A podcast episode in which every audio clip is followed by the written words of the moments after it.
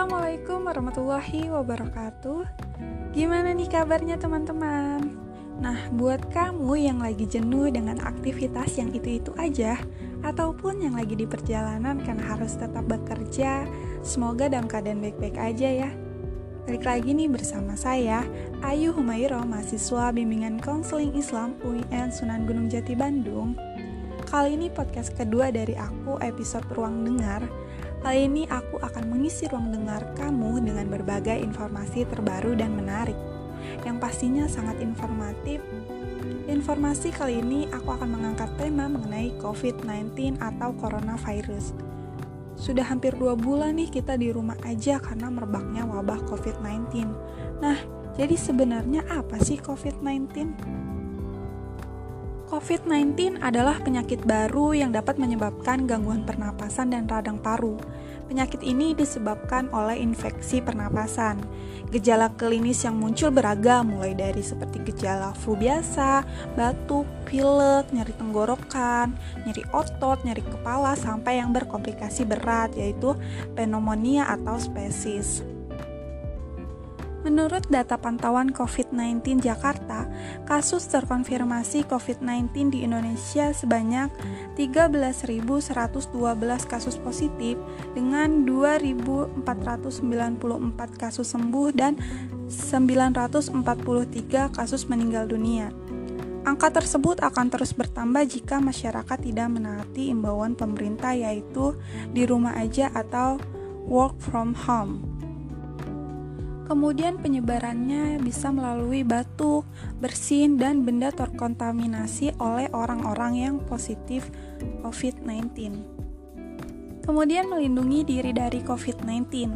Ada beberapa hal yang harus kita lakukan untuk mencegah atau membantu menghentikan penyebaran coronavirus, yaitu hal yang harus kita lakukan tetap tinggal di rumah, bekerja dari rumah, belajar dari rumah, dan beribadah di rumah.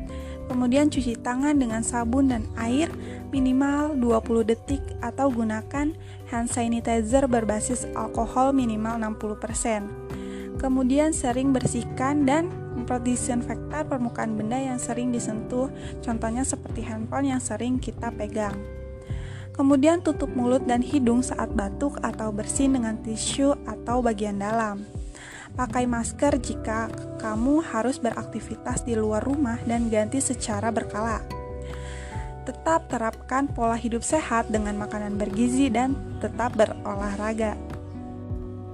Kemudian, hal yang tidak boleh kamu lakukan, yakni berpergian keluar rumah untuk hal yang tidak penting. Berada dekat dengan orang yang sedang sakit, batuk, atau bersin, kemudian menyentuh mata, hidung, atau mulut dengan telapak tangan, menimbun masker, hand sanitizer, atau perlengkapan medis lainnya. Lakukan hal berikut ini jika kalian mengalami gejala mirip COVID-19. Yang pertama, hubungi nomor layanan COVID-19 di 112 atau 081 112 112 112 dan 081 388 376 955. Yang kedua, kenakan masker tipe masker bedah dan ganti secara berkala agar tidak menular ke orang lain.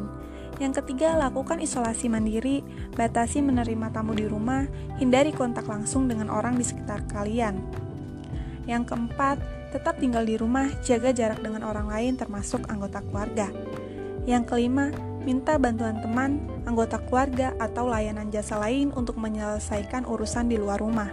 Yang terakhir, lakukan ini semua selama 14 hari dan pantau gejala yang kalian alami setiap hari. Imbauan penting buat kalian selama masa pandemi.